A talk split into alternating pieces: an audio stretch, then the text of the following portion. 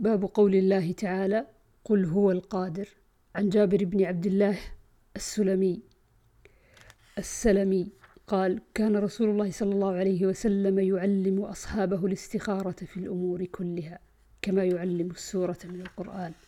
يقول إذا هم أحدكم بالأمر فليركع ركعتين من غير الفريضة ثم ليقل اللهم إني أستخيرك بعلمك وأستقدرك بقدرتك وأسألك من فضلك فإنك تقدر ولا أقدر وتعلم ولا أعلم وأنت علام الغيوب.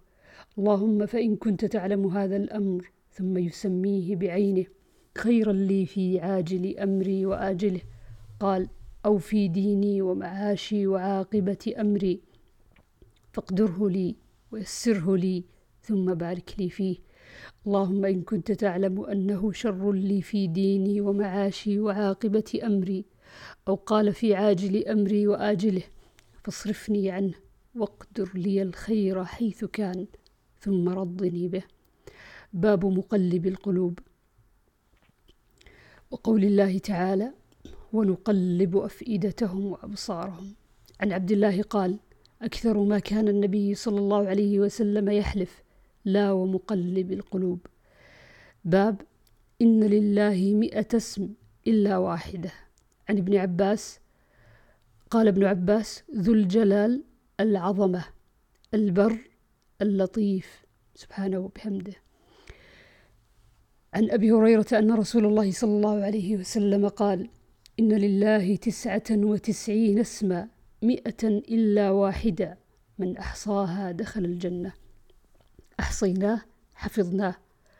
باب السؤال بأسماء الله تعالى والاستعاذة, والاستعاذة بها.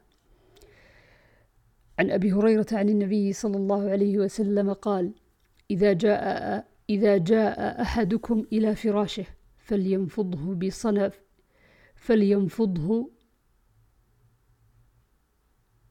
بصنفة ثوبه ثلاث مرات وليقل باسمك ربي وضعت جنبي وبك أرفعه إن أمسكت نفسي فاغفر لها وإن أرسلتها فاحفظها بما تحفظ به عبادك الصالحين.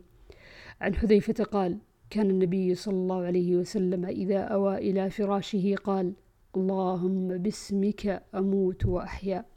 وإذا أصبح قال الحمد لله الذي أحيانا بعدما أماتنا وإليه النشور.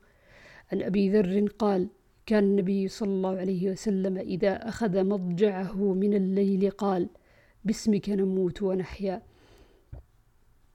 فإذا استيقظ قال الحمد لله الذي أحيانا بعدما أماتنا وإليه النشور. عن ابن عباس رضي الله عنهما قال قال رسول الله صلى الله عليه وسلم لو أن أحدكم إذا أراد أن يأتي أهله فقال بسم الله اللهم جنبنا الشيطان وجنب الشيطان ما رزقتنا فإنه إن يقدر بينهما ولد في ذلك لم يضره شيطان أبدا. عن عدي بن حاتم قال سألت النبي صلى الله عليه وسلم قلت أرسل كلابي المعلمة.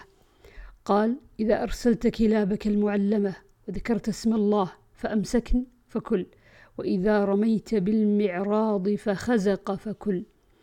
عن عائشة قالت قالوا يا رسول الله إن هنا أقواما حديثا عهدهم بشرك يأتونا بلحمان لا ندري يذكرون اسم الله عليها أم لا.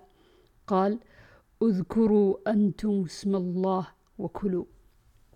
عن أنس قال ضحى النبي صلى الله عليه وسلم بكبشين يسمي ويكبر. عن جندب أنه شهد النبي صلى الله عليه وسلم يوم النحر صلى ثم خطب فقال من ذبح قبل أن يصلي فليذبح مكانها أخرى ومن لم يذبح فليذبح بسم الله. عن ابن عمر رضي الله عنهما قال قال النبي صلى الله عليه وسلم لا تحلفوا بآبائكم ومن كان حالفا فليحلف بالله. باب ما يذكر في الذات والنعوت وأسامي الله عز وجل. وقال خبيب وذلك في ذات الإله فذكر الذات باسمه تعالى. عن أبي هريرة قال بعث رسول الله صلى الله عليه وسلم عشرة منهم خبيب الأنصاري فأخبرني عبيد الله بن عياض أن ابنة الحارث أخبرته أنهم حين اجتمعوا استعار منهم موسى ليستحد بها فلما خرجوا من الحرم ليقتلوه قال خبيب الأنصاري ولست أبالي حين أقتل مسلما على أي شق كان لله مصرعي؟ وذلك في ذات الإله وإن يشأ يبارك على أوصال شلو ممزع فقتله ابن الحارث. فأخبر النبي صلى الله عليه وسلم أصحابه خبرهم يوم أصيبوا